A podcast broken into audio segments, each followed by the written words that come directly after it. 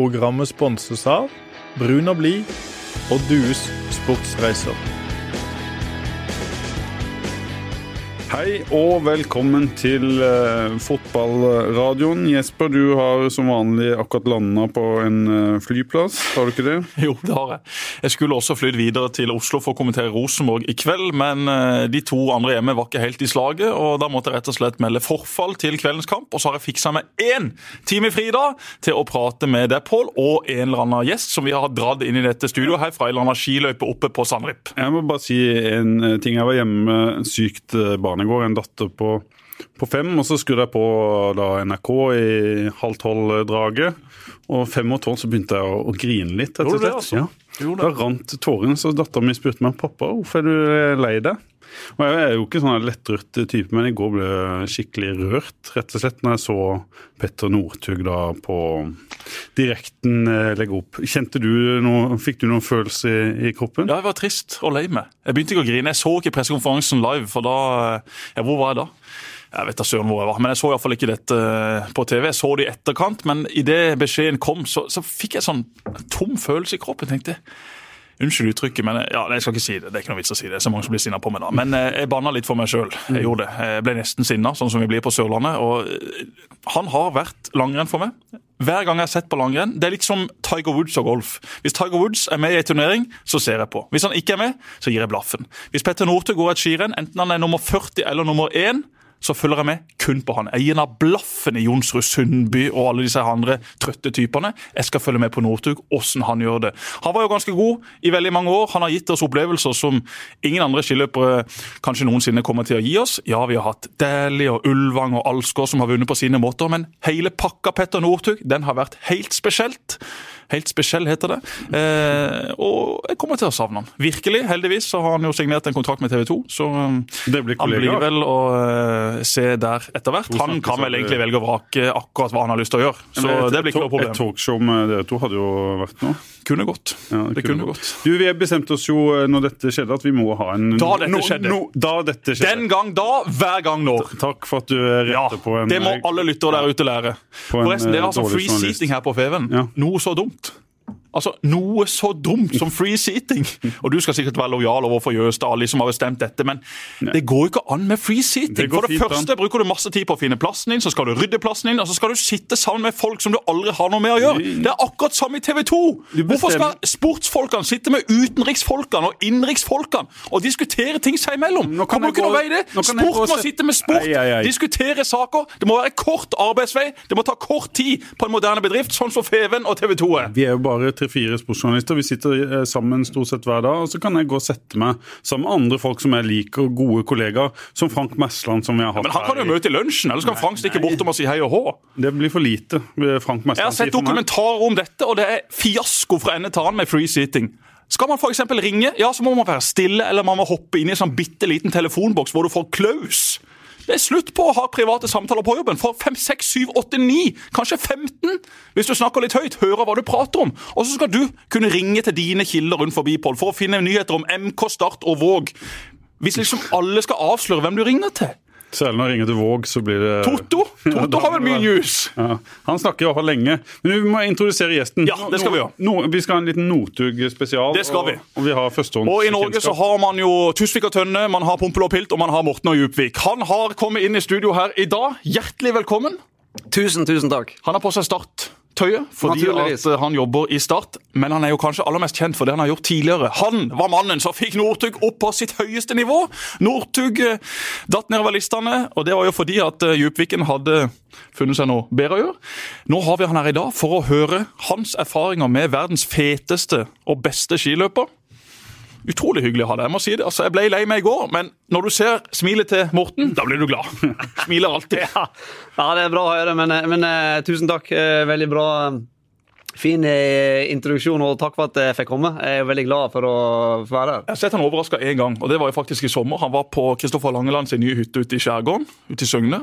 Og så står Djupvik på eh, brygga med sine flotte unger og kone, og så ser han bare det komme en vannskuter inn i 170 km i timen. Og den farta opprettholdes til man er ganske nærme brygga, og så svingte han. Så var han litt forskrekka, nesten litt sånn småforbanna, men så så han at det var bare meg. Da smilte han og lo. Da var det greit. Men hvordan var din dag i går? Du, den var eh, Det var følelsesladd. Det var som dere. Altså, jeg, jeg det var, altså det var jo ikke veldig overraskende over at, eh, at Petter på et eller annet tidspunkt skulle legge opp. Og, og, og, og en har jo kjent på at den dagen har jo blitt, eh, kommet litt nærmere for hver dag eh, som går. Men det er jo allikevel overraskende å legge opp eh, på en måte midt i en sesong.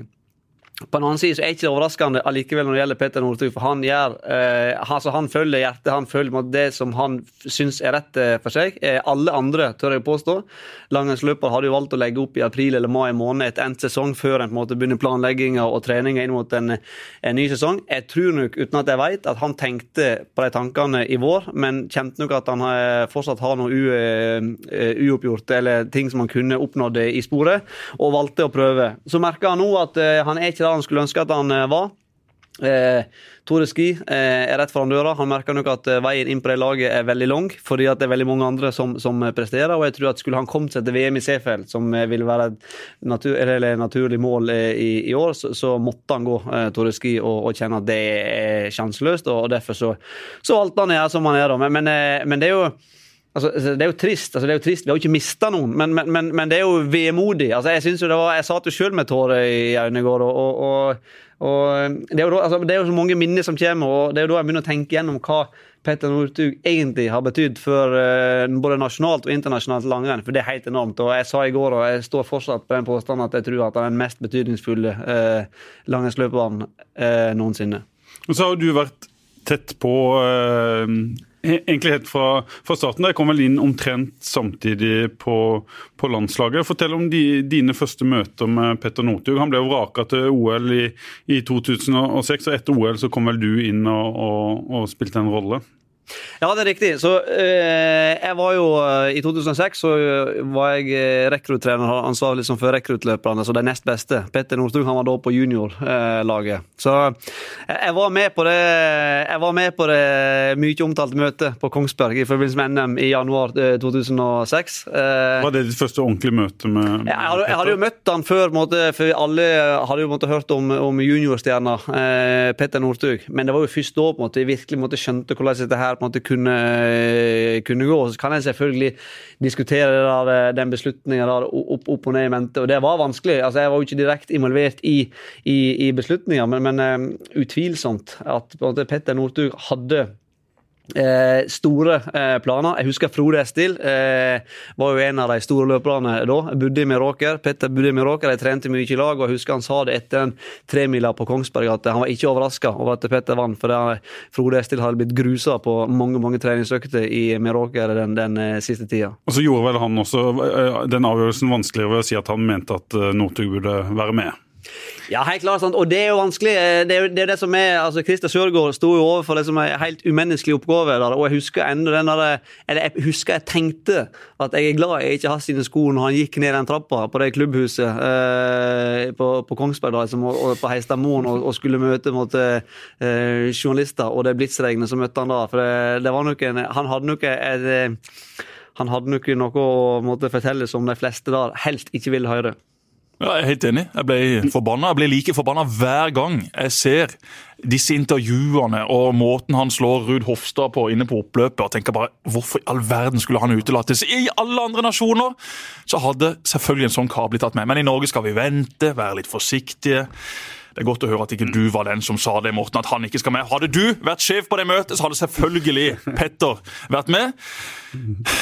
Litt trist å faktisk tenke tilbake på det. Han ga oss mye fantastiske minner etterpå, men det kunne faktisk vært enda flere om en eller annen fyr hadde vært litt mer på jobb. Og så er det noen som sier at han, han brukte det som en voldsom drivkraft òg, i noen viktige år av en uh, skiløpers uh, liv, mellom 19 og, og, noen og 20, der en legger et grunnlag for det som skal, skal komme. Det fikk du oppleve på nært hold. Er det, er den, ligger det noe der, tror du? Veldig mye. Uh, det der om han ble vraka eller ikke, altså det ble han jo. Eh, Mm. Men at den vrakinga og de greiene har, har vært en utrolig motivasjonsfaktor for han, det har det helt helt eh, klart. Og han har ikke glemt det en dag i dag. altså Jeg, jeg slutta jo eh, i langrenn i 2011, og så var jeg ute noen år, og så hadde jo, var, hadde jo mye kontakt med Petter og var liksom på trappene i forhold til å gå inn og egentlig være liksom, rådgiver for han på, på heltid. og Da snakka vi jo faktisk eh, 2014, altså mange år etterpå 2006 og Torino-OL. men eh, det første han på en måte tok opp når vi satte oss ned og skulle prate, det var jo det der eh, Torino-OL som han skulle være til. Og da, da snakka vi jo liksom åtte-ti år etterpå og var like irritert eh, den dag i dag. Så det har vært viktig. Så sånn sett så kan du si at det kanskje kunne være, var, var fornuftig, da. men eh, men eh, nok eh, om det. Eh, Petter han har hatt en helt eventyrlig karriere. når du ser på eh, altså Det er jo ikke rart at det kommer noen tårer sånn, når du ser på så, i går, og, og alle minner kommer opp igjen, og, og prestasjoner. Og liksom, det, er noe med, altså, det er noe med Petter Northug. Altså, jeg husker jeg sa det mange ganger når jeg, når jeg jobba med han, at det, Petter er Petter, og det er viktig at han får være Petter. Og det mener jeg er, er viktig, for han er ikke som eh, alle andre, har aldri vært eh, som alle andre. Og, og er jo mer kontroversiell og, og, og på sin måte, men, men eh, en utrolig betydningsfull person for ja, både norsk langrenn, men, men norsk idrett generelt. Det var jo landesorg i går, ikke bare norsk idrett. Det norske folk har ikke sett så mye roser og hjerter på Facebook siden 22. juli. Altså, Folk var jo oppriktig lei seg i går. Og alle slags folk. Ja. Jeg har mye rare venner på den vennelista, altså, og alle var lei seg. Men, men, men det er Men hvor tidlig skjønte du at han var så kontroversiell og så spesiell? En ting er at han var talentfull til å gå på ski, men det holder ikke å bli en så stor helt bare å vinne på ski. Han har hatt mye mer. Mye, mye mer. Og det, det, det, er jo alt, det, altså er jo kompleksiteten Petter vil bli huska for. Altså jeg tror at det, det fins norske skiløpere i dag og i framtida som måte, kan komme til å matche hans sine resultat, men ingen kommer til å matche måte, han måte, som profil med den X-faktoren, og, og i tillegg selvfølgelig levere gode sportsresultat. Men altså, når vi skjønte det altså, Vi lærte jo hele veien. Eh, og jeg var jo ikke forberedt. Jeg tror heller ikke Skiforbundet måtte, var forberedt. Og Petter og, og de nærmeste rundt han var nok heller ikke forberedt på hva konsekvenser og hvor stort dette her måtte skulle komme til å bli. Og jeg husker jeg husker jo f.eks. på Beitostølen i 2009, når det storma som verst rundt den Red Bull-avtalen. Altså, det var jo så mye oppstyr rundt Petter at vi måtte jo smugle han inn liksom vinduet for å få han inn på hotellet. Vi måtte smugle han ut for å få han i treningsløypa, for folk skulle jo ha et ord og skulle snakke med han. Men he hele tida Det var ingen av oss måtte, som hadde opplevd noe lignende før. så Det var jo eh, Ja. Hva gjorde, det, hva gjorde det med deg å være oppi alt dette? Nei, altså nå, nå var jo heldigvis, da, eh, for å si, så var jo eh, Åge Skinstad sportssjef eh, på den tida, som holdt jo tak i mye som var den kommersielle eh, biten. Så jeg fikk jo måte konsentrere meg mye om, om det treningsmessige. men at vi lærte mye, og vi ble utfordra på veldig mange ting. Jeg som trener, eh, Åge som sportssjef og for så vidt Skiforbundet totalt sett. For, for selv om eh, Dæhlie og Ulvang og Alsgaard på en måte var store eh, skiløpere, og for så vidt også store profiler, så det, han tok det til en ny eh, dimensjon. Så til de grader. Du, eh, jo, du forsvant ut av det i 2011, og så, og så kom du inn igjen eh, litt, som du sier, eh, i forbindelse med, med denne bilkrasjen og det som skjedde i månedene etterpå. Hvor, hvor, eh, Fortell litt om, om rollen du hadde da, som ikke har vært utad veldig kjent. Nei, da, Det var jo eh, et tidspunkt eh, Jeg jobba jo ikke i idretten eh, da. Petter hadde jo starta, starta for seg sjøl si, eh, på utsida av, av landslaget. Og, og så var jeg litt i loopen her i forhold til å Jobba du her i byen? Nei, da jobba jeg Jeg bodde i Oslo. Ja. Jeg jobba i Aker Solutions med, som, med HR og organisasjons- og leder, lederutvikling. Veldig spennende. Men så er det sånn når eh, du får en telefon fra Petter Northug om du kan tenke deg å være med på en måte som rådgiver, trener liksom, og ha, ha det som levebrød, så det er jo ingen som takker nei. Selv ikke Jesper Mathisen har takka nei. Det, Jeg takker ja på da! Ikke tenk på det. Men det var et litt sånn uh, lavpunkt for å si sånn i hans uh, karriere, da han tok uh, kontakt med deg? Ja, var, altså, jeg, men jeg var, altså, vi hadde akkurat starta samtalene før uh, smellen. Uh, derfor så var jeg ganske tett på uh, når dette her skjedde. Og Og såpass tøffe samtaler at han Han orka ikke. Det, det, det, det gikk en kjempe, Det kunne ikke gå. Nei, men, men i går var det mye snakk om største øyeblikk og alt det her hva er greia. Og jeg var jo ikke på måte, landslagstrener på, på den tida, så var jeg for så vidt med i, i Falun som ekspertkommentator, men sånn rent sånn sportslig og, den største bragden som Petter har gjort, det tror jeg er den opphentinga etter eh, den bilturen i mai i 2014 og, og inntil liksom han faktisk tar fire VM-gull i, i, i Falun eh, åtte måneder, eller ni måneder senere. For det, det, er formidabelt. for jeg tror Det er ikke mulig å komme så veldig mye lenger ned enn han var da, eh, rett etter den bilkrasjen. Altså være eh, langrennsløper, være den profilen, den stjerna som han er, og så, og så, velger du, eller så gjør du iallfall noe som du absolutt ikke er stolt av, og som ingen andre heller er særlig stolt av. Så, så det å reise seg, komme tilbake igjen og, og levere det som han gjorde i, i, i Falun, det, det, det, er virkelig å bare ta seg hatten for. for Det, det, det var helt rått. Hvor tett, hvor tett, var du på det han gjorde i forkant av det?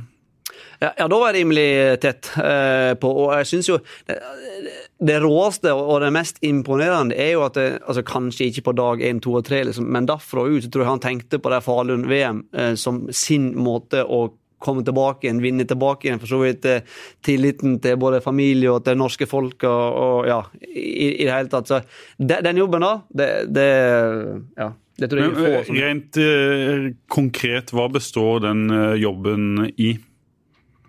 Eh, som han gjorde der. Eh, det handler om mye trening. Det handler om det, det å rett og slett være dedikert til det du skal holde på med. Og jeg tror at han faktisk tenkte på langrenn og, og, eh, og forberedelser inn mot det der VM der hver eneste dag. Og jeg skal ikke si 24 timer i døgnet, men i i toppidretten så er det, mye, er det veldig sånn her eh, inn og snakke om 24-timersutøverne, mm. altså som på en måte balanserer trening med kosthold og søvn og, og hele pakka her. Og, og da er han eh, altså da var han helt eh, ekstrem. Eh, han hadde gjort litt av samme øvelsen før Eh, med et helt annet utgangspunkt, selvfølgelig. For det, han var like skjerpa inn mot VM i, i, Kollen i 2011. Det var en ekstremt fokusert Petter Northug eh, inn mot det VM. Eh, fordi at OL i, i, Vancouver i 2010 gikk ikke spesielt bra. Eller spesielt bra, det er jo flåsete å si. Han kom hjem med to gull og, og, og en sølv. Men, men, men, det var jo en nedtur fordi at han kunne hente så mye mer. Men det er akkurat samme prosessen var han gjennom fra den vårparten i 2010 og høsten 2010 og inn mot VM, VM i Kollen. Vi snakker 8 ni måneder da, hvor, ja. som er helt full, ekstreme. Og Han sier jo selv at VM i 2011 det var liksom det maksimale han kunne oppnå som skiløper. Altså Da følte han at OK, hva mer skal jeg gjøre nå? Nå har han vunnet alt det som kan vinnes kan hjemme i Oslo. Men før dette mesterskapet da, så sier han jo også selv, og du sier det, hører jeg, han er i denne bobla. Altså, Hvordan er Petter Northug forholde seg til når han er i denne bobla? Er det mulig å få tak i fyren? Kan han plutselig være i, eh, i mørket i et par uker, kun fokusere på seg sjøl og sin trening og hva han spiser? Altså, Det kan ikke være så himla enkelt heller å forholde seg til en fyr som han, som da er så ekstremt fokusert, og må også være så egoistisk. Nei, det er ikke enkelt. Og, altså, og det var mange ganger både irritasjon og, og frustrasjon og ja, eh, i hele tatt. Men eh, samtidig så gjorde vi liksom en avtale på det greiene. at Jeg sa at hvis jeg skal kunne være med og få, og få bidratt noe, så er jeg nødt til å både få kontakt, eh, som du sa, for det var ikke alltid Like, like, enkelt, men, men, vi hadde liksom en sånn eh, gjensidig avtale på at uh, sånn var det, så, sånn måtte det være. Så jeg, jeg, tenkte aldri på det. Men det er klart, han var selvfølgelig i den bobla. Men det fine og det gode med Petter, da jeg tror som skiller han kanskje for, mange andre, at uh, han hadde på en måte evnen til å hoppe inn i den bobla når han måtte inn i bobla, altså når, når, det var alvor. Han gjorde jobben, men han var, han var, på en måte bare halvveis inn i bobla i treningssesongen. Men det var når det nærma seg konkurranse at han på en måte virkelig uh, hoppa inn i, den der eh, bobla, men, men, han var ekstremt fokusert eh, den høsten 2010, da, fordi at vi følte jo alle at vi liksom hadde mye å, å bevise eh, etter et liksom mislykka eh, OL for, for gutta sin del i, i 2010. Og, og, vi visste at det der med, med VM på hjemmebane, Holmenkollen liksom, og, og titusenvis av eh, tilskuere, det var, måte, det var liksom vår mulighet til å, til å slå eh, tilbake. Men i 2011, det var da han var på sitt råeste som skiløper? Ja, det tør, det tør, jeg å påstå. Jeg tror aldri at han har vært noe, noe bedre enn han var da. Da var han eh, vanvittig god, og han, eh, det var jo tre gull han tok med seg. og det Han skulle jo så absolutt hatt det fjerde òg, men litt for nonchalant liksom, og, og slepte som eh, svenske Helner liksom, på baksida gratis her. Bare tull. Altså, det var bare tull. Han var jo absolutt god nok til å vinne den. Men femmila vant han. Femmila vant han. Og det var jo tøffe løyper i Holmenkollen, akkurat som det er i dag. Det er, vel, det er vel sikkert de samme løypene. Men da var han jo oppe og styrte løpet. Du så jo ofte Petter Northug hang som et slips bak oss i feltet, og så kom han på oppløpet. Men i disse løpene her, i disse rundene her, minnes jeg at han var oppe i denne her bratteste bakken, så litt på de andre, viste seg fram.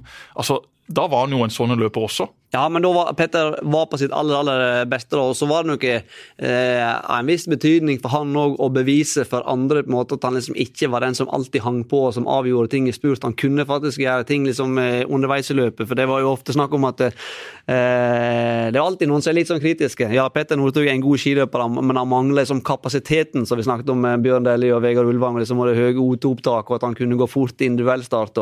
Men det beviste han jo. Altså, Du vinner ikke fem minutter uten at du har en viss form for kapasitet aktivitet. Og så kom han jo for så vidt tilbake igjen i, i VM i Val Fiemme uh, i 2013 og vant faktisk en 15 km en, enkeltstart. Så, så altså, han har jo faktisk vunnet det som på en måte er verdt å vinne, både fra sprint og uh, til det aller lengste femmila, både i klassisk og Men å gå rundt i Kolna som Northugs uh, trener og god kamerat, og bare kjenne på det trykket og den stemninga. Ja, altså de, de, dagene i Kollen de kommer jo aldri til å oppleve igjen. Altså det, det, er jo det villeste. Og, og, og, vi i støtteapparatet var jo med å teste en del ski og sånn før eh, løpet. og husker den der morgenen før den femmilen vi gikk ut på Frognerseter. Altså nå har jeg aldri vært, og kommer aldri til å bli noen rockestjerne, men det er det nærmeste jeg har, uh, jeg har, jeg har følt meg, altså. Jeg, jeg, var nærme, jeg var close da, men uh, ja.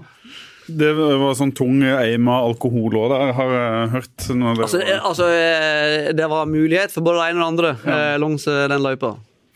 Fantastisk. Du, jeg har gått gjennom mye de siste to timene før vi kom inn her. Mange saker der du har uttalt deg om Northug, Northug hvis en søker på, på ditt navn. Og så er det en ting som slår meg at du har vært ganske hard mot han og sagt ting litt som det, det er.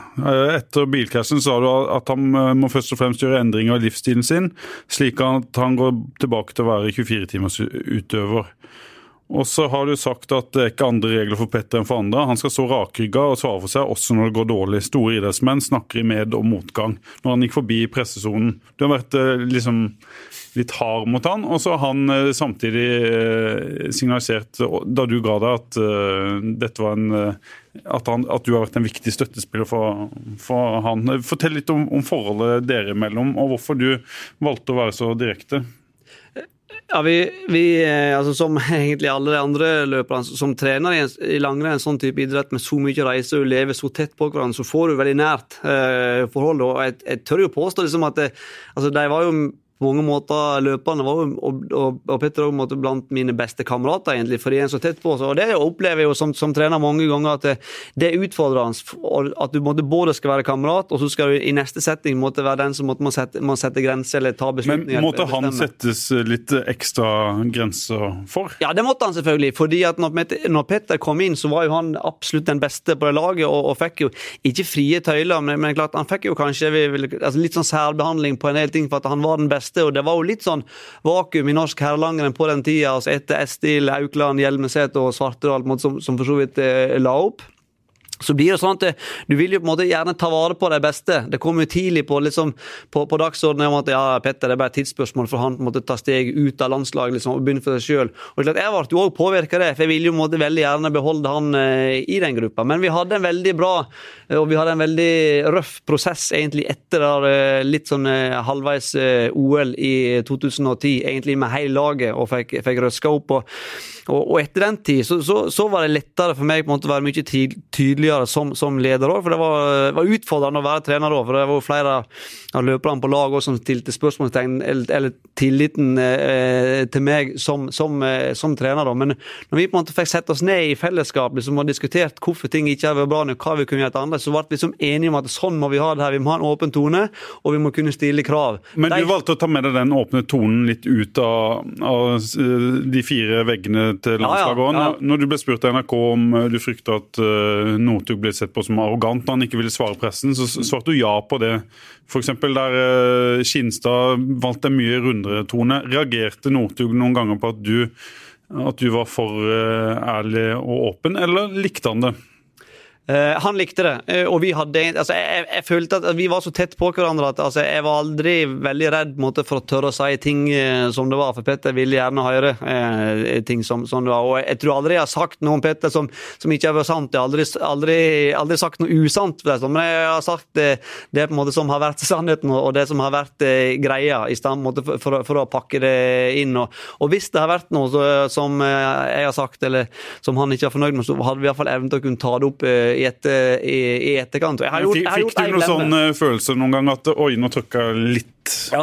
ja, jeg har gjort ei stor, gjort ei stor blemme, og det var jo under VM i, i, i Kollen. For det, vi vil jo på en måte gjerne måte, vise langrenn ifra, ifra innsida uh, på best mulig måte. Og jeg har tatt på meg en sånn her uh, mygg, altså en sånn liten mikrofon. og var jo vanvittig ivrig underveis i løpet. Da, og dette her gikk jo veien, vet du, han kom inn der og vant. Og, og, jeg hadde jo gjort dette her mange ganger tidligere, og hadde jo liksom måte, rutine på at jeg skrudde av den mikrofonen når løpet over, og før jeg på en måte gikk inn i målområdet og trefte på løpere. Men det, i kampens hete i 2011, da når han tok det gullet på, på på duatlon, så glemte jeg å skru den. og Det er klart, det var jo litt sånn Det var når han lå og hulka ja, i målområdet? Ja, hulka og grein litt der. og ja, i hele tatt. Altså, Vi fikk skværa opp i det med en gang, men, men, men det var jo litt sånn jeg hadde jo ikke håpet at det skulle liksom komme ut, at det skulle være sånn hovedsaken liksom på, på eh, VM-kveld senere på kvelden. Men hadde nei, da, nei, da, den hadde han på med vilje. På med vilje. Såpass godt kjenner vi Mr. Djupvik. Dette var regissert fra høyeste hold. Han visste nøyaktig hva han gjorde. Det var ikke det verste som kunne komme på lufta. Det var I hvert fall ikke altså, Du er en hyggelig kar og en kar til å stole på Morten, men av alle ting dere har prata om i skibusser og ute i løypa, så var dette her ganske ufarlig. Det var altså sånn der, eh, det, var, det var kanskje ikke riktig gjort av meg, eh, for han visste ikke at den mikrofonen var på. Men jeg tør allikevel på måte den påstand, påstanden at Petter eh, felte noen tårer, som han gjorde da. Vist, da viste han en side som jeg tror veldig mange kanskje ikke var klar over at Petter hadde. Så jeg tør jo den påstanden at det, altså hans markedsverdi den skal jo ikke bare rett til værs. Poenget var at han egentlig ikke ville at eh, dette skulle komme ut. Det var kanskje ikke det imaget han ønska å ha? Nei, men han hadde aldri altså, jeg, bare, jeg la meg flat med en gang, men for han var dette null problem. Du var flat oppå Petter Northug. Ja, det, og det gjorde jeg jo. Men det var mer, det var mer omgivelsene som mente at det var ugreit at jeg hadde gjort det. Han sjøl hadde ingen problem med, ja, Men det er jo også så typisk, ikke sant? Ja, ja, Norge og sikkert en gjeng trøtte, tørre typer opp igjennom Skiforbundet som ikke syns dette her var greit. Selvfølgelig er det greit. I USA så står jo keeperen i mål og snakker med kommentatorene. Altså kommentatoren setter over til Håkon Oppdal, som står i mål. Ja vel, Håkon, hva syns du om backrekka foran? Nei, vi sliter litt nå med å være spredd over hele banen. Skal ta oss og løpe ut til, til Kjetil her, så ser vi kan få samla oss litt mer. Ok, fint, over. Og så kommenteres kampen videre. Det er jo sånn det må være. Og skal langrenn overleve, så må det jo i alle fall skje sånne ja, ting. For når du mister Northug nå, åssen blir livet etter Petter Northug for langrenn? Vi har Klæbo, vi har Sundby. Flotte, flinke skiløpere. Men Northug har jo redda denne skisporten i en årrekke og tatt den opp til et helt nytt nivå. Altså, Tenk så mange som kunne ha fulgt med på langrenn pga. Petter Northug. Tenk så mange nå som vil falle fra pga. Petter Northug. Det er noen som uh, sier at de frykter litt for, for langrenns uh, fremtida. At uh, det er verdenscuprenn som må flyttes til Norge, for her er uh, interessen størst osv. Vi skal ikke gå dypt inn i langrennssporten, men hva tenker du om det, Morten? Nei, nei, jeg frykter ikke framtida for, eh, for langrenn, for den tror jeg er veldig sterk. og Spesielt liksom, i Norge så står langrenn utrolig sterkt, og vi ser jo at det er massevis av eh, løpere. Du nevnte jo en, en flenger, du kunne nevnt liksom en håndfull eller tre til med løpere som kommer til å prestere på topp internasjonalt eh, nivå, uten tvil. Men at vi er en profil fattigere uten Petter Northug, det, det, er ingen tvil om. Det, det greia er at Petter kommer vi til å savne fordi at vi savner på en måte utøveren, personen, profilen. Eh, altså eh, Bondesønnen fra Mosvika med den X-faktoren. Altså, denne kombinasjonen der, den er faktisk ikke mulig å kopiere. og den, den Nå høres det negativt ut, men den tror jeg aldri kommer til å, å komme inn akkurat på samme måten. Aldri. Du har kalt han eh, tidenes største langrennsløper. Det gjorde du på NRK i, i går. Ja, jeg gjorde det, og, og, jeg mener det også. Det er fordi at man, det handler selvfølgelig absolutt mest om Peter Northug. Og så er han kan jeg si, litt heldig med tidspunktet han kommer inn i langrenn på. for det er akkurat litt sånn i brytningstida. Konkurranseformer i langrenn på en måte endrer seg litt. Det blir mer felles start. Eh, sprint er på tur eh, oppover. Petter har på en måte egenskaper som gjør at han faktisk liksom er i stand til å vinne de fellesstartene, spurtene osv. Derfor så som jeg sa i stad, var det så viktig måte for Petter å klare å vinne den 15 km i Val di Fiemme. Være med å prege femmila i Kollen for å bevise at han faktisk var en, en god skiløper med høy kapasitet. Han. For det var han. altså Det har vi jo massevis av målinger på, så det, det, det, det hever enhver tvil. Men han hadde jo liksom litt det ryktet på seg at han, han var spurter og, og hang bak. og i hele tatt. Men selvfølgelig litt heldig med tidspunktet han kommer inn på, men jeg tror altså hans betydning for nasjonalt og internasjonalt langrenn, den den er ikke Det er nesten ikke, som Vegard Ulvang sa i går, det er nesten ikke mulig å, å beskrive. Det har betydd så utrolig mye. Han har sett langrenn på, kart, langrenn på kartet, og som Jesper sier her, massevis av eh, tilskuere, fans, måtte se nå eller har fulgt med på langrenn mer pga. Peter Northug enn pga. Eh, langrenn. Men en ting alt han har vunnet, som vi alle husker. Har det vært mye episoder når du sitter og mimrer i går? Altså, Er det mange episoder du tenker tilbake på? Jøss, der skjønte jeg det, der skjønte jeg det, der skjønte jeg det. I trening og i samtalene deres? Ja, jeg, jeg tror jo det var mye snakk om i går, høydepunkter og hva er det største. og i hele tatt, men, så, men sånn for meg så er det jo akkurat de der eh, små han sagt, eh, momenter, eller, eller øyeblikkene, var det egentlig jeg lette etter. Eh, som måtte ikke handla nødvendigvis om prestasjoner, men når vi satt liksom og diskuterte, vi pratet, vi kom fram til ting, liksom, og vi fant liksom i fellesskap gode løsninger. og, og klart, det jo, Jeg har sagt det mange ganger før, altså jeg føler meg jo veldig privilegert i hele tatt har fått muligheten til å komme på innsida av en person og en type eh, idrettsutøver som, som uh, Peter Northug. For det er ikke så mange forunt å få eh, muligheten. Så, så, jeg håper jo og tror i lengste at han har lært litt, og så vet jeg at jeg har lært ekstremt mye av han. For, for Men Hva slags øyeblikk er det du snakker om i samtalene deres som, som er så spesielle?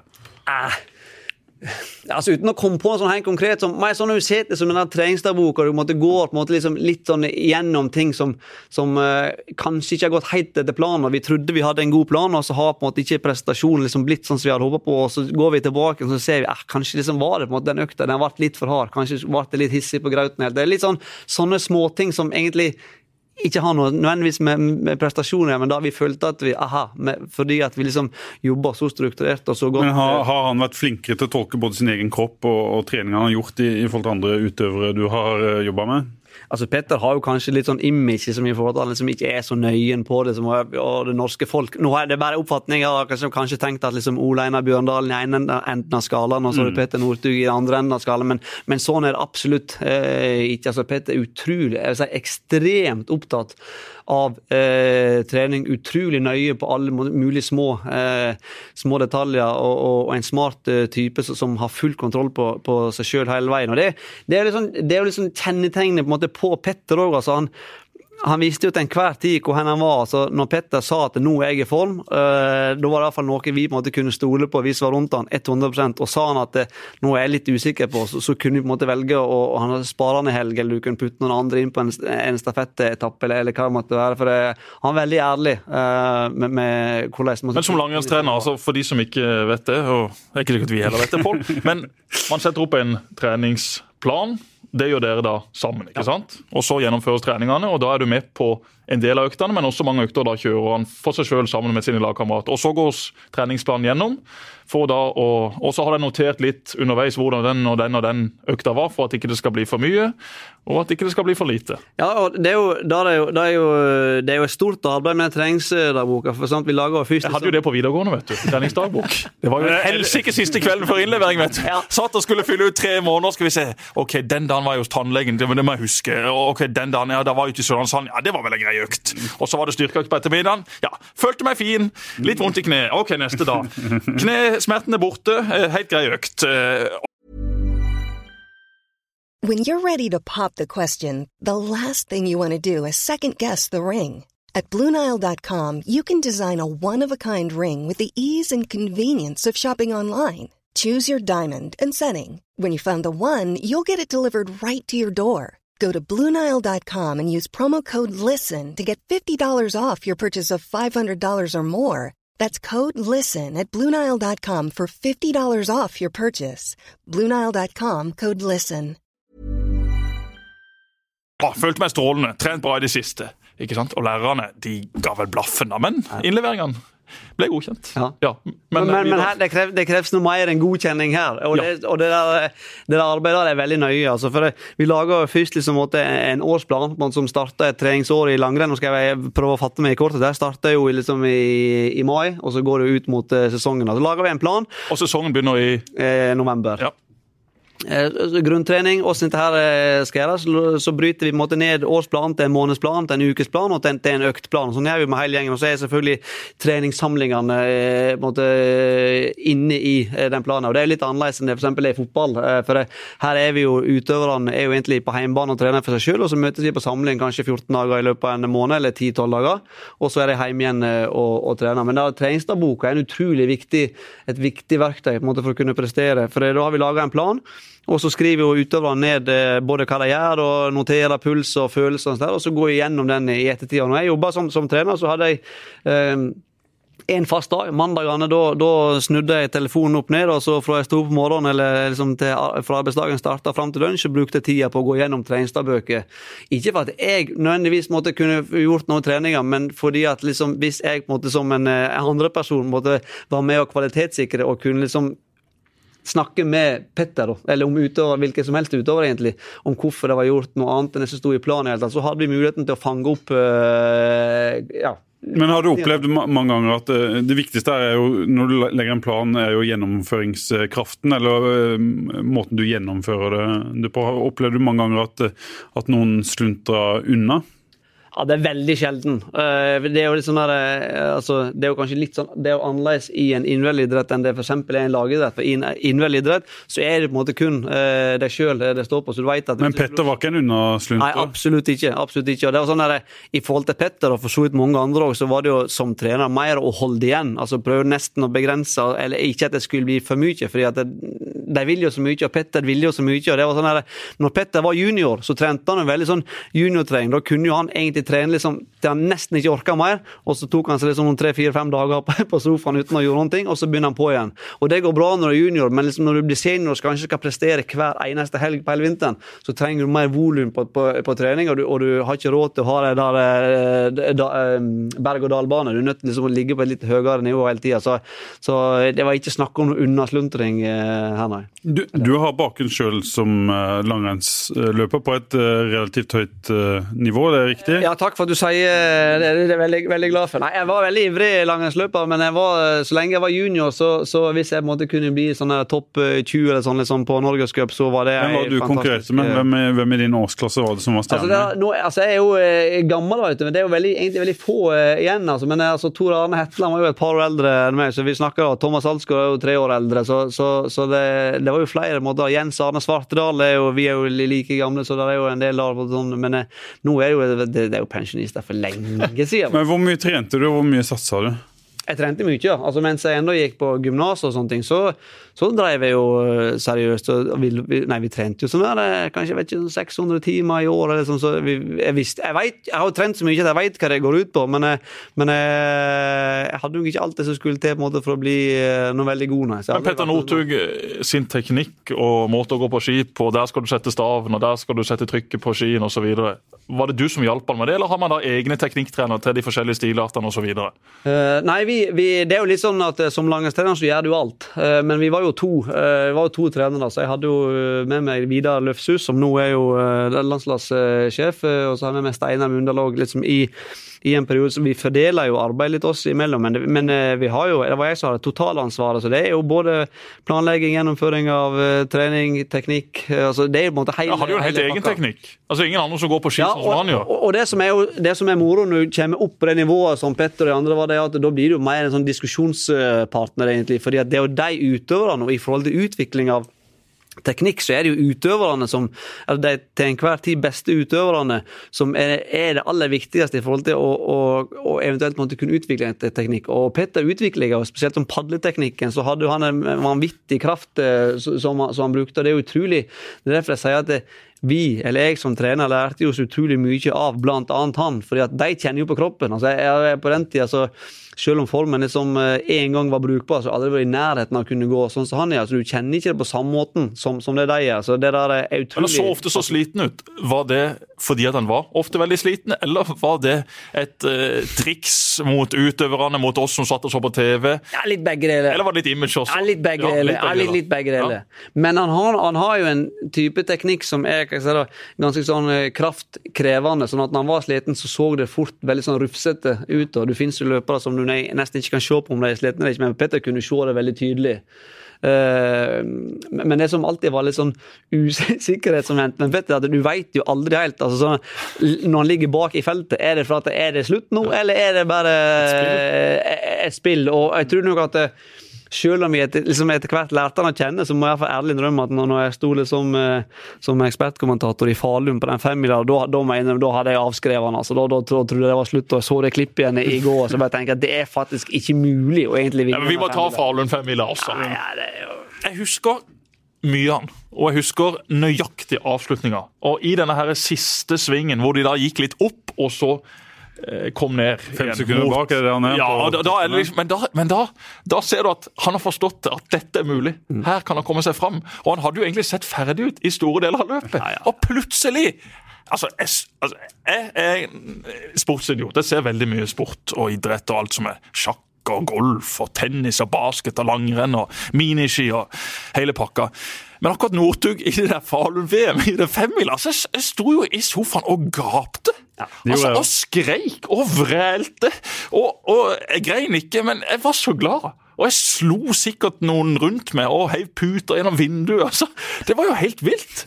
Følelsen for det å stå der som ekspertkommentator når han går midt mellom to løper på oppløpet! Ja, Det var helt vilt, og, og, det går egentlig ikke an. Og jeg har brukt akkurat den lille videoknipkuttet eh, eh har jeg brukt mange ganger. for jeg tenkte så Det er jo sånn utrolig bra bilde på det å, å måtte se muligheten og så gripe sjansen. Altså poenget at det, det, var jo, Løpet var jo kjørt. Det var jo for seint. Han skulle jo egentlig ikke klart å ta det, men likevel så tenker han at det her er det faktisk mulig. og Så går han rundt den svingen, så henter han de få sekunder sånn at han akkurat har kontakt ned. og Så kommer han inn på selve oppløpet, og da skulle han jo egentlig blitt nummer tre, for da er det Villeksanen så er det Bauer. Men så ser han det er en liten mulighet mulighet. Det er en liten mulighet til å kunne ta det gullet, og det var å gå mellom sporet. Og så finner han plass liksom imellom, sånn på kanten til å være ufint, men det er jo helt lovlig, for han var jo ikke borti noe, så han ødela jo ikke ja, for noen. Men det har jeg tenkt på. Altså, Hvor nære er han å bli diska der? Ja, altså, han, Hvis han hadde hindra, ja. hadde en av de andre blitt hindra. Begge hopper ut til sida. Ja. Men det hadde de ikke trengt å gjøre. Nei, det hadde ikke trengt å gjøre. Men de hoppa ut fordi at jeg så at han kom midten, og så var han jo eh, til all sannsynlighet bedre glid imellom eh, sporene enn det var i sporene. For det var sikkert snø eller et eller annet har lagt seg, sånn at det var bedre glid. Så så de at han hadde stor fart, så tenkte jeg at ok, de må ut av spor, for begge to hoppa ut av Var det et spor til da, ute til venstre? Måtte ja. han gått langt ut da, eller? Nei, nei, nei ja, for da måtte han runde dem. Nei, ja. da hadde ikke, da hadde ikke blitt gull. Han kunne jo gått på alle sider, han Lukas Bau iallfall, for han kan jo ikke spurte. Han har jo til og med klart å stake ifra. Kanskje gjort det, men det, men, men det er liksom det å ikke gi opp måte, før du passerer en mållinje. For jeg tror mange har tenkt at ok, for det var de tre, så alle hadde kommet til å fått eh, medalje. Men det var, det var liksom ikke nok å få medalje. I den siste svingen også, Han har en sånn egen evne til å få mer fart enn andre i nedoverbakke. Han står jo ikke på alpinski, han står jo på samme ski som de andre. Men har altså, om han gjør noe på bakketoppene, eller om han har en eller annen måte å stå på ski på Men gang etter gang etter gang så henter han de inn nedover. Og I mitt hud, da, hvis du er sånn cirka like tung og har cirka samme utstyr, så skal det gå like fort. enn eh, mange, okay. jo, men han er jo liksom ikke 90 kilo. Det er snakk om et par kilo forskjell. Ja, men, men det, er litt sånn taktikk, og har, da har jo Petter eh, igjen måtte vært den som kanskje har tatt liksom lange til et nytt steg. for det han har jo liksom i type fellesstart kanskje holdt igjen liksom litt i de bratteste bakkene sånn og så har han liksom akselerert over bakketoppen, sånn at han har fått stor fart, og så har han sklidd ned. og du ser Mange ganger når han har avansert i felt, og sånn, så gjør han det i lett eh, terreng. for Da koster det, koster det, mindre. Så slipper han seg heller litt bak. Så ligger han under liksom den eh, anarobe terskelen sin liksom, og slipper å bli så stiv i, i beina oppover bakka, og så bruker han liksom terrenget til, til, å, til, å akselerere og avansere. Så, så, det er utrolig smart. og det er jo, Han har jo på en måte bringa liksom, taktikk inn i langrennssporten på en helt annen måte enn det var vanlig å tenke tidligere. Og sprinten i Falun. Første skikkelige troféseieren etter krasjen? Ja, Det er jo kanskje noe av det mest sånn følelsesladde, akkurat det greiene. For det, da kommer jo selvfølgelig, det ser du jo på nå, han er jo utrolig, utrolig rørt og uh, sjøl òg. Og, og, han tenker jo selvfølgelig da på tilbake igjen på det som skjedde i, i mai året før med historien om bilkjøring, og han hadde Thomas ved sin side. altså bare det, altså Tenk det, da! Altså, altså Vi er jo eh, alle her liksom uh, foreldre, men tenk den følelsen å være mamma og pappa på den stadion og se at du har to liksom, sønner i en VM-finale. 哎。Helt Altså, det er jo ikke rart at Det Jon finnes Olsen vel står noen og tripper bilder dette. av pappa der som står og rister i ja, det så jo helt ut som det holdt på å gå helt galt for han eh, under Og det er jo ikke rart. Det hadde vært forståelig om han hadde strøket med, faktisk. herre, Ja, ja. Ja, ja. Nei, det er men det der greiene der, altså det, det der er jo, det er jo faktisk helt vilt. Og det er sånn, det var jo Thomas som egentlig var den sterkeste gjennom på en måte, kvartfinale og, og semifinale, så det, var, det hadde jo ikke vært så overraska egentlig om Thomas hadde vunnet, men så ser du igjen det der rykket. Da er, han, liksom, da er jo Petter på sitt aller, aller, aller beste i, det der, i den motbakken, og han, han bare springer på skia. Men så akkurat over bakketoppen og så er han jo like før liksom skia lugger litt. og det var, altså, det var så nærme at han liksom kunne gått liksom på snøra eh, akkurat på bakketoppen. ja, men Er det nærme, eller ser det bare ut som akkurat da var det nærme. Da, da, tror jeg det var Jeg syns mange ganger når han har gått på ski, Jo, er så sitter du liksom i sofaen Ja, men ikke tryn nå, da! Du, du, altså, det skal så lite til for å sette staven mellom skiene, i alle fall for oss som har gått bitte litt på ski. Så er ikke det så mye som skal til, og så ligger du der som en uh, Men- sjøstjerne. Men han har gjort det en gang òg. Det var jo i det første eh, mesterskapet. Eh, Det er liksom i- da kom du og trøsta han. Ja, da kom jeg til Så det klippet i går. Det- Godt, det var- godt levert, Djupvik. For det var jo første VM som Petter var i etter at han ikke kom til OL i 2006. Så ble det jo da VM i Japan og i Sapporo i, i 2007. Eh, og da var han jo god. Og denne tremila hadde han jo full eh, kontroll på. Det, gullet var jo på tur ned i, i lomma, kom inn på den stadionet. Jeg husker det ennå. Kom liksom opp under ei bru liksom, og, og opp der, og så presterer han jo å sette akkurat når han skulle til å rykke. Sette staven eh, imellom eh, beina, så ligger han liksom bare rett ut der. og så Men det var i samme mesterskap eh, de slo Sverige på stafetten og han rykker på flata. Ja. Og får en Det er- kilometer. det er Han og to- Sødergren går er jo opp på det oppløpet ennå. Er to Han ennå ikke kommet i mål. Nei, han er i ferd med å nærme seg nå. Det er jo to dager igjen da. Nei, to dager Jon igjen. Her Hervik Karlsen som kommenterer at han får 100 meter, han får 1 kilometer. Det Men er det å se. Hervik Karlsen og og Kjell Kristian Rike kommentere også disse her gamle skiskytterløperne. Altså, Det er så stor idrett. Bare gå inn og så se på gamle klipp med Bjørndalen nå. Alltid Kjell Kristian Rike som den store pessimisten. Nei, dette går ikke, du. Dette går ikke. Dette blir nok bom. Ikke sant? Leder med halvannet minutt, og så ett skudd igjen. Nei, dette kan ikke gå. Dette kan ikke gå. Og Jon som er optimistisk. Altså, for noen legender! Det ligger for øvrig en fantastisk parodi av Kjell Kristian Rike på YouTube, hvis dere søker på det. Noen som har lyst. En komiker fra Ja, de sendte jo alle løpene til Bjørndalen, ikke sant? alle de han hadde vunnet på NRK. Og, det burde bare vært en egen kanal som viste gamle skiløp. Altså Gamle stafettseiere, Bjørndalen, Northug. Altså, Du blir jo i god stemning av det. Dette er et bra tiltak for folkehelsa til det norske folk. Kanskje det er forretnings, forretningsidé? Kanskje noe vi må Ja, altså Det er jo NRK som driver det. De trenger ikke drive forretning, for de får lisensen sin uansett hva de sender på TV. Men det hadde vært en god idé, synes jeg, for de har så mye bra i det arkivet sitt. Så bare opprett NRK4 eller et eller annet sånt, og bare la det surre og gå. Altså Vi kan vise Hurtigruta minutt for minutt. Da må vi kunne vise idrettshistorikken i Norge ja, minutt for minutt. Vi må eh, nærme oss en avslutning her, men vi må jo snakke litt om, om start. Og når du sitter her og prater, så tenker jeg at du er jo egentlig på helt feil eh, sted i, i livet. Eh, I en fotballklubb som er noe helt uh, annet. Fortell litt om overgangen fra ski og skiskyting til uh, fotball. Ja, altså Den overgangen er jo eh, på mange måter stor. men Men fordi at det er to helt ulike arenaer. Det ene er liksom er veldig sånn utprega individuell idrett, og, og, og fotball er jo som vi alle vet, altså, lagidrett. Så arenaen er jo veldig ulik. Men akkurat i forhold til det å prestere, så tenker jeg at der syns jeg det er veldig mye eh, likt. Og, og det nytter ikke på en måte å drive og tenke, for det er jo sånn der Ja, trener fotballspillere nok og helt. Men poenget er at det, det nytter ikke å sammenligne, for du kan ikke begynne å regne liksom, antall trente timer for en langrennsløper. en fotballtrener. Det er helt to vidt forskjellige ting. Så det går ikke, det går ikke an liksom, å, å sammenligne. Men Men at fotballspillere har mye å gå på når det kommer til trening og kosthold og søvn i forhold til den gjengen du har jobba med før, det er det jo ingen tvil om. Det- Du skal ikke trenge å svare på det, men det er det jo ingen jo, tvil Nei, men det, det var det egentlig det jeg ville fortsette med. For akkurat i forhold til, i forhold til det liksom å, å tørre å sette seg noe hårete mål, det å, tørre, å ville tenke utvikling, det å hele tida på en måte ville søke på en måte det litt bedre, da tror jeg på en måte, eh, lagidrett generelt har litt å hente. For det som, Men Savner du litt av den råskapen i, i start, for å være litt uh, konkret?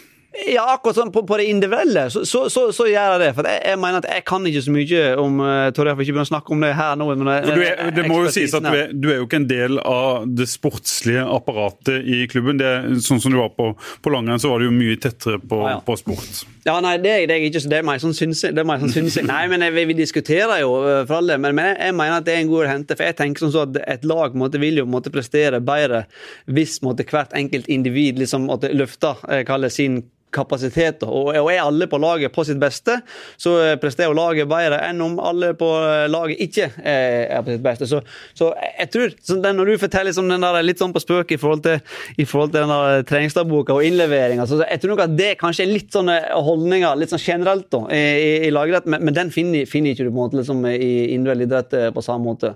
Nei. Jeg skjønner at du bare kødder. Nei, nei, nei, nei, men dette er jo ikke kødd. Altså, Vi var nå seriøse på vårt vis, vi. Men tenk om man virkelig hadde vært seriøs. Tenk om fotballspillere virkelig hadde vært seriøse. Tenk om de kunne lært noe av disse individuelle utøverne på det planet. Fotballspillere er veldig flinke, trener veldig mye, og det er utrolig vanskelig å bli god fotballspiller, for alle driver med det. Men at man har ting å gå på når det kommer til det individuelle, det er jo helt soleklart. Og spesielt når du liksom har kommet deg inn på et A-lag, eller når du blir 19-20-21, så er mitt inntrykk at mange langrennsløpere, da starter virkelig den tøffe jobben. Da skal de opp og fram, og det er så tøft bare å bli med på det norske laget at de må trene som Det holder ikke å være Mange nummer 20 spiller- Nei, i langrenn, men det gjør de i fotball. ja, ja da, det gjør det. Men det er nå uh, 100 000 ganger flere som spiller fotball også enn de som går på ski. Eh, Så vi skal ikke begynne å Mm. Men du, sammenligne det. nei, men du kan leve av å være nummer 150 i, i fotball Du i kan Norge, leve men, fett av det. men du kan, det kan du ikke som skiløper. Nei, Nei, nei, det kan du absolutt ikke. Og jeg, jeg, er veldig eh, enig i de greiene. Men, men det er litt, vi, vi opplever jo på en måte litt av det samme på en måte liksom i, i langrenn òg. At når folk liksom kom på landslag, så ble det på sett og vis en hvilepute. Du var tatt ut et mesterskap, så kunne det bli en hvilepute. Men jeg tror at vi var veldig bevisst på at når det kom inn en ny en, så skulle vi måtte tenke som sagt at dette her er starten. Nå har du liksom måtte fått billetten til å kunne virkelig utvikle. Og da, da tror jeg, tenker jeg da at vi liksom er i start og, og nå måtte framover For vi- Kjetil har snakka mye om at vi må endre kulturen. Det tror jeg er en viktig del av det å endre kulturen. Det er faktisk det mindset i forhold til at hver enkelt måtte skal ville noe. Vi må lage noen planer vi må ha liksom, noen planer på en måte som går lenger enn bare til neste kamp uh, på søndag. For da får du aldri tid å tenke noe utvikling. Og jeg tror at eh, hvis en hadde vært flinkere til å tenke utvikling over tid, så blir liksom ikke nedturen så stor hvis du blir vraka til helgas eh, kamp Eller For mange så er det sånn ah, ryker det, og så, og så, sånn- så feller på en måte livet liksom litt sånn i grus. Men hvis du klarer å se det i et litt sånn lengre perspektiv, så tror jeg at eh, vi over tid man skulle klare å bygge opp et enda sterkere lag som vil prestere enda bedre. Men jeg ser jo helt klart at det er jo mer utfordrende i, i fotball, og jeg ser at det å være fotballtrener er utrolig krevende fordi at det er alltid en kamp på med søndag, altså med unntak av noen få måneder på, midt på vinteren. sånn som nå, så er det alltid en viktig kamp eh, på søndag. og Som langrennstrener så hadde du mer tid, og det var mer aksept for at det tar litt tid å, å bli best. og Det er en utfordring i fotball. Men jeg tror at vi, hvis vi tenker smart og gjør ting som på en lur måte, tror jeg at det er mulig å få gjort noe med akkurat de greiene. og Det jeg tror jeg ville være en viktig eh, greie. Kontinuitet er det liksom et, Ja. eh, et nøkkelord her. ja, det er kontinuitet, og, og vi må lage noen planer sånn at hver enkelt liksom, spiller må ha en plan. på måte Mer enn mer enn bare liksom, fram til kampen eh, på søndag. Må se et litt sånn lengre pers perspektiv. Vi i Start i dag har jo en, en, en sterk stall. Mange unge eh, spillere. Vi må liksom lage et løp for de som er litt mer eh, Ja, og Det må klubben lage. Det kan ikke være Kjetil Rekdals oppgave, for han blir hele tida mål på søndag. Men jeg husker jo selv da jeg var 17-18-19 og var med i troppen og var med på benken, så var det tøff trening fredag, og så var det rolig lørdag. Fordi at eh, du visste ikke om du kom med på benken, eller om du skulle starte, eller om du satt på tribunen på søndag. Og Hvis du da eksempel satt på benken og kom inn på i fem minutter, så var det da du gjorde i de to dagene hver eneste uke ekstremt lite. Så kunne du selvfølgelig trene etter kampen, og det gjorde man. Man løp litt, man skøyt litt, man hadde sin egen økt. Men man må tørre å tenke mer langsiktig, som ung fotballspiller. Tenke OK, vet du hva, denne sesongen her, jeg kommer til å få noen minutter, men det som teller for meg, det er neste år. Jeg skal trene knallhardt og heller være på et litt lavere nivå hele året, og så skal jeg slå ut i full blomst 2020. Ja, ja, men altså Ja, men det er sånn. ja, men jeg, jeg, jeg var ikke sånn sjøl, og jeg angrer veldig på det. Ja, men- og jeg ser men- tilbake på ok, hvorfor var du mye skada, hvorfor Men nå- ble du ikke bedre? Jo, det var jo megafeil. Men Jeg var ikke flink nok til å trene. Spørsmålet ikke mitt er hvorfor, hvorfor er ikke dette gjort? Hvor, er man i en sånn en men- type prosess? Men jeg tror egentlig at altså jeg tror egentlig, Nå er jeg veldig på gyngende grunn, da, men jeg tror ikke at det, Det det er vi alle. ja, det er vi alle. Jeg bor på gyngende grunn. Nei, men jeg, jeg, tror, jeg, tror ikke, jeg tror ikke Det er liksom ikke samme kulturen for det i fotball uh, som det er i lang. Men det, derfor tenker jeg at Jeg burde ikke sagt det på radioen, for det her kan faktisk andre ha hørt på. Men jeg tror at hvis vi måtte få satt det her i system, så har vi et enormt uh, fortrinn. For jeg tror det bor så mye Nå får jeg snakke kun for vår del, men Start i dag, det bor så mye i det laget der. Men vi er nødt til å tørre å tenke måte, litt, litt lenger fram, for vi har så mange unge, unge ja, du sier jo ikke at ikke fotballspillere eller Start er flinke til å trene, men opp mot individuelle utøvere, så er det alltid litt å strekke seg etter. Det er alltid noe du kan dra opp på et litt høyere nivå. Det er jo det Og det er sånn vi må tenke. Ingebrigtsen-familien, for eksempel. Altså, men Gjert og co. jo også. Nå har vi hylla Northug, men vi må hylle Gjert Ja, ja, og hans familie også. Altså, nå Ja, ja. henter de trofé etter trofé ned i EM i terrengløp. Ja, ja. Philip spaserer seg inn til gull, og Henrik ja, han var kanskje litt eh, syk, så han eh, endte litt bak, og Jakob henta et eh, gull, han også. Det er altså et eventyr å følge med på den familien. Northug har gitt oss mye, og jeg tror på en eller annen måte at Ingebrigtsen-familien kommer til å gi oss mye det samme de neste årene.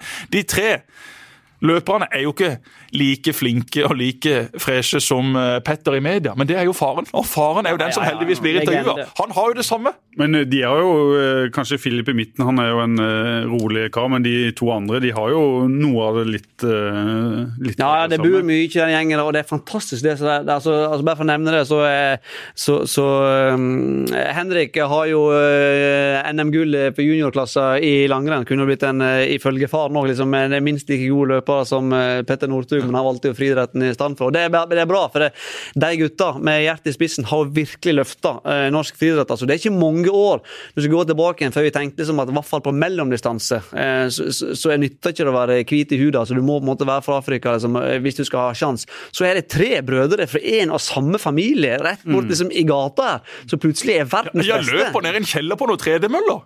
På- Ja, ja, og når de, gikk på, når de var mindre, vet så trente de på, på, på rulleski vet du, på morgenen i parkeringshuset i Sandnes før, før eh, Systematisk siden de var ni-ti år gamle. Ganske ekstreme greier. Det viser greier. at alt er mulig. Ja. Ja, Men, faktisk men når det er sagt, da, så tror ikke jeg at det nødvendigvis er sånn at alle som har lyst til å bli friidrettsutøver, skal ut og trene sånn som de tre gutta eh, har gjort. For jeg tror ikke det passer alle. Det er jo alle. derfor vi blir så glad i Men- Ingebrigtsen-familien, Northug osv. De er annerledes. De har gått sine egne veier. De er ikke A4, og dette er jo ikke noe som passer for folk flest. Nei, men det er ingen, egentlig ingen som er helt A4. og Det er derfor jeg tror det er utrolig viktig om det er, om det er fotball, eller om det er friidrett, eller langrenn, eller hva det er. Ikke A4, men det finnes veldig mange kjedelige. Ja. Skiløpere, Jo. Ja, fotballspillere, men det, mennesker. det finnes jo mange veier til rom. Det er jo Det er det som er poenget. Det er for at vi skal ikke Ja, men vi blir kun glad.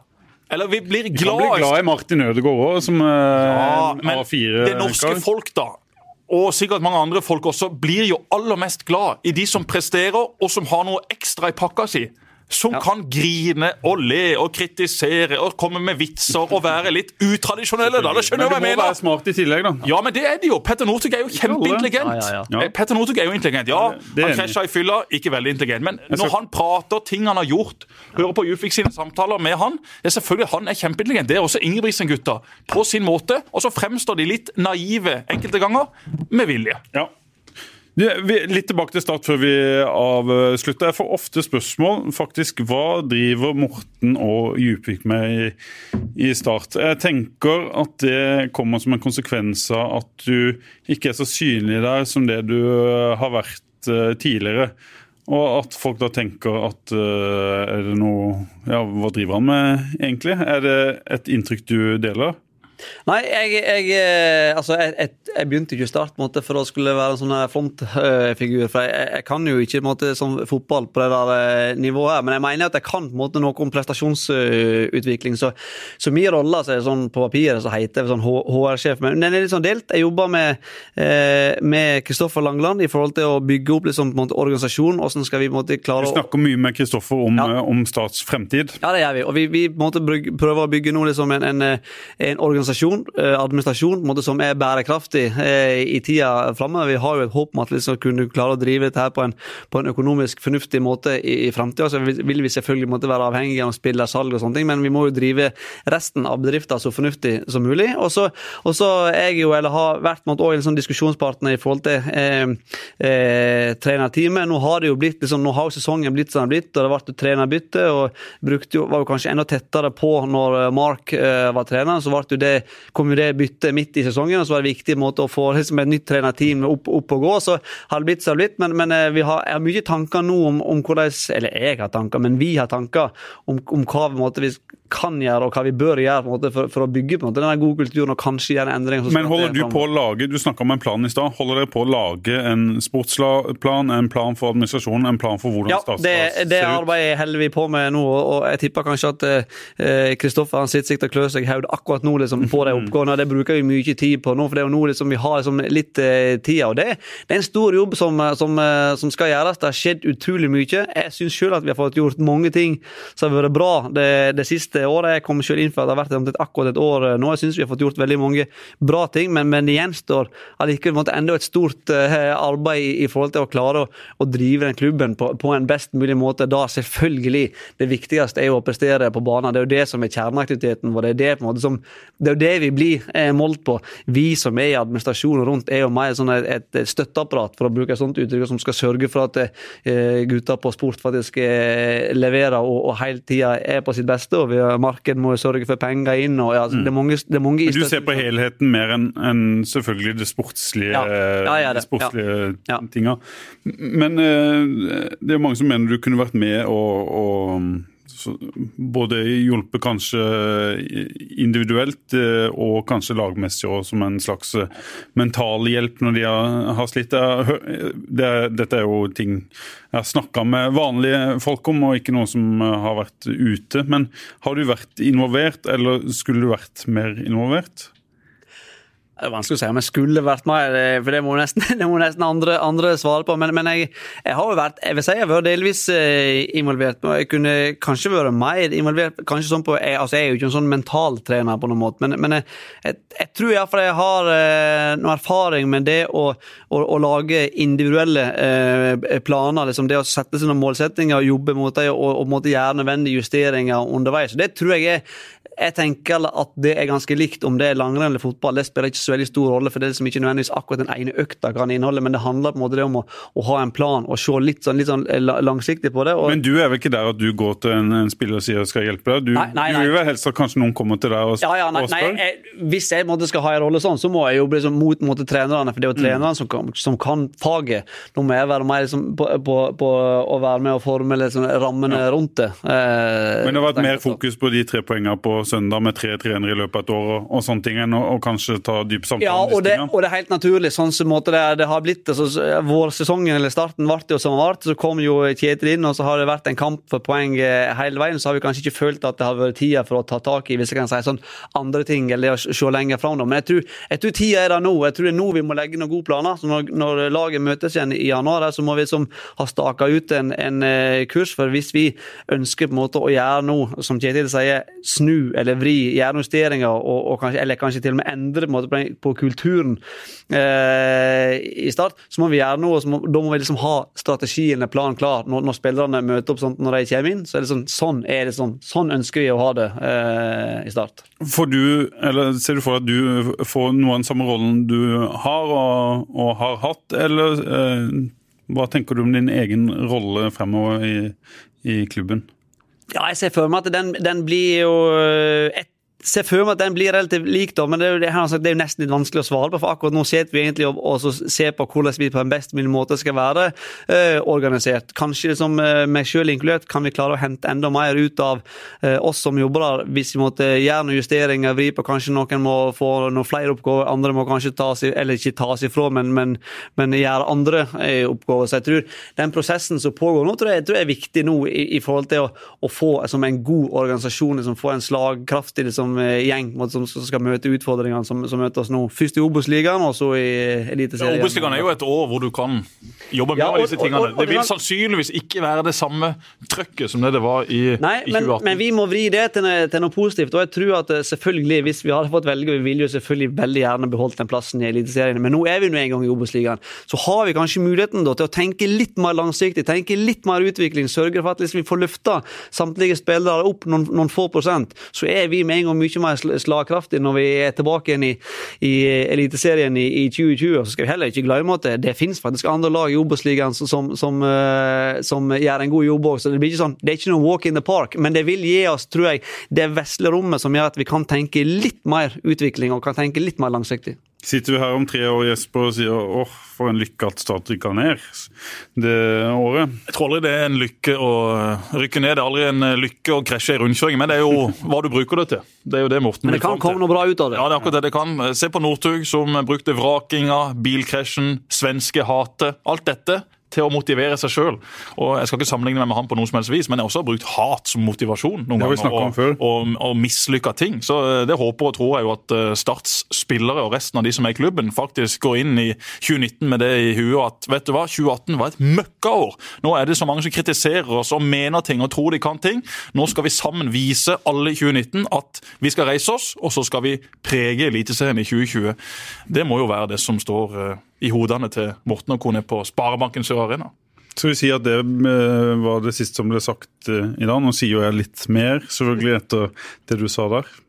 Ja, Skal vi bare si takk eh, til- Hvem skal avslutte med det? Eller Morten, eller? det er Vi må du- si takk til Petter Northug! Ja. Kan det komme et comeback? Nei, jeg vet ikke, det har, det har jeg vanskelig for å tro. Det var en som spurte meg. Altså, du kan, jeg vet jo aldri, liksom. Det kan gå begge veier. Enten så tenker han at nå senker han skuldrene, så går han på skia og koser seg, og så plutselig kommer han tilbake inn i et norgesmesterskap og går, går et eh, bra skirenn. Men jeg tror ikke det skjer. Jeg tror Men han er ferdig, er alderen, 32 år, eh, det er ingenting. Alderen er jo ingen hindring. Altså Han kunne jo holdt på i flere år uh, til. han. Du ser jo liksom på Jesper Mathisen her, er jo liksom ikke på sitt beste uh, ennå. Uh, han er jo et år yngre, så han har jo ett år å gå på. Men, men, men alderen er ingen hindring. 32 år, så, så det er mer det eh, er mer jeg vet ikke helt motivasjon her. Jeg tror det er mer liksom denne metthetsfølelsen. Han har opp, opp, opplevd måte så mye. Kom, Hodet er ferdig. ja, ja, men han kommer til, sånn som du har opplevd, Jesper, at hver gang han møter folk, når gjør du comeback, kommer til å være eh, et spørsmål som han kommer til å få så mange ganger nå. Jesper, f før vi avslutter, du fikk òg det eller du får det kanskje ennå, eller har folk slutta med det nå? Ja, jeg tror de fleste har slutta med det. altså. Jeg stiller meg jo sjøl spørsmålet et par ganger om dagen, men Ja. eh, svaret er bare det samme hver gang. At jeg kjenner litt på knær og ankler og beina mine. Men Hvor langt unna var du prøve en siste gang?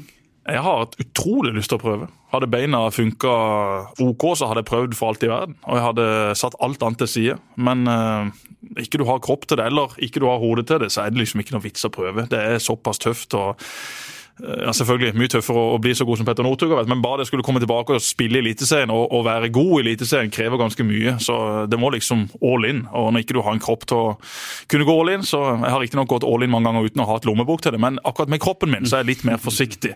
Der eh, vil jeg faktisk ha en kropp som gjør at jeg kan spille ikke fotball med Svein, for han er ikke interessert, men da med min neste sønn, forhåpentligvis. Og med Ole Martin Aast. Ja, jeg sliter nå. Jeg har slitt med en legg i det siste, så nå ligger jeg under 1916. Nei. Jo, Nei, og nei, dette er jo 2018, ikke sant? Og vi spiller jo noen kroner for hver kamp, så jeg må dessverre cashe ut, ser det ut til, på nyttårsaften. Det er jo fort 2018 da, når eh, Ja, det er 1916. hva sa du? Ja, Det kan jo fort bli 2018 i Ja, resultat Det kan du. Det, det, det, er sant, det. det er sant det. Men han reiser snart på ferie. vet du. Han har booka seg en lang ferie til Ja, varme det. Hvis, hvis han leder, så er det smart. Han er, han er Han booka bare på min regning, vet du. Sendte meg bare faktura. Hei, Jesper. Betal denne, så blir det ikke mer tennis på oss i år. Yes, takk for i dag. Takk for i dag. Hei, hei. Programmet sponses av Brun og blid og Dues sportsreiser.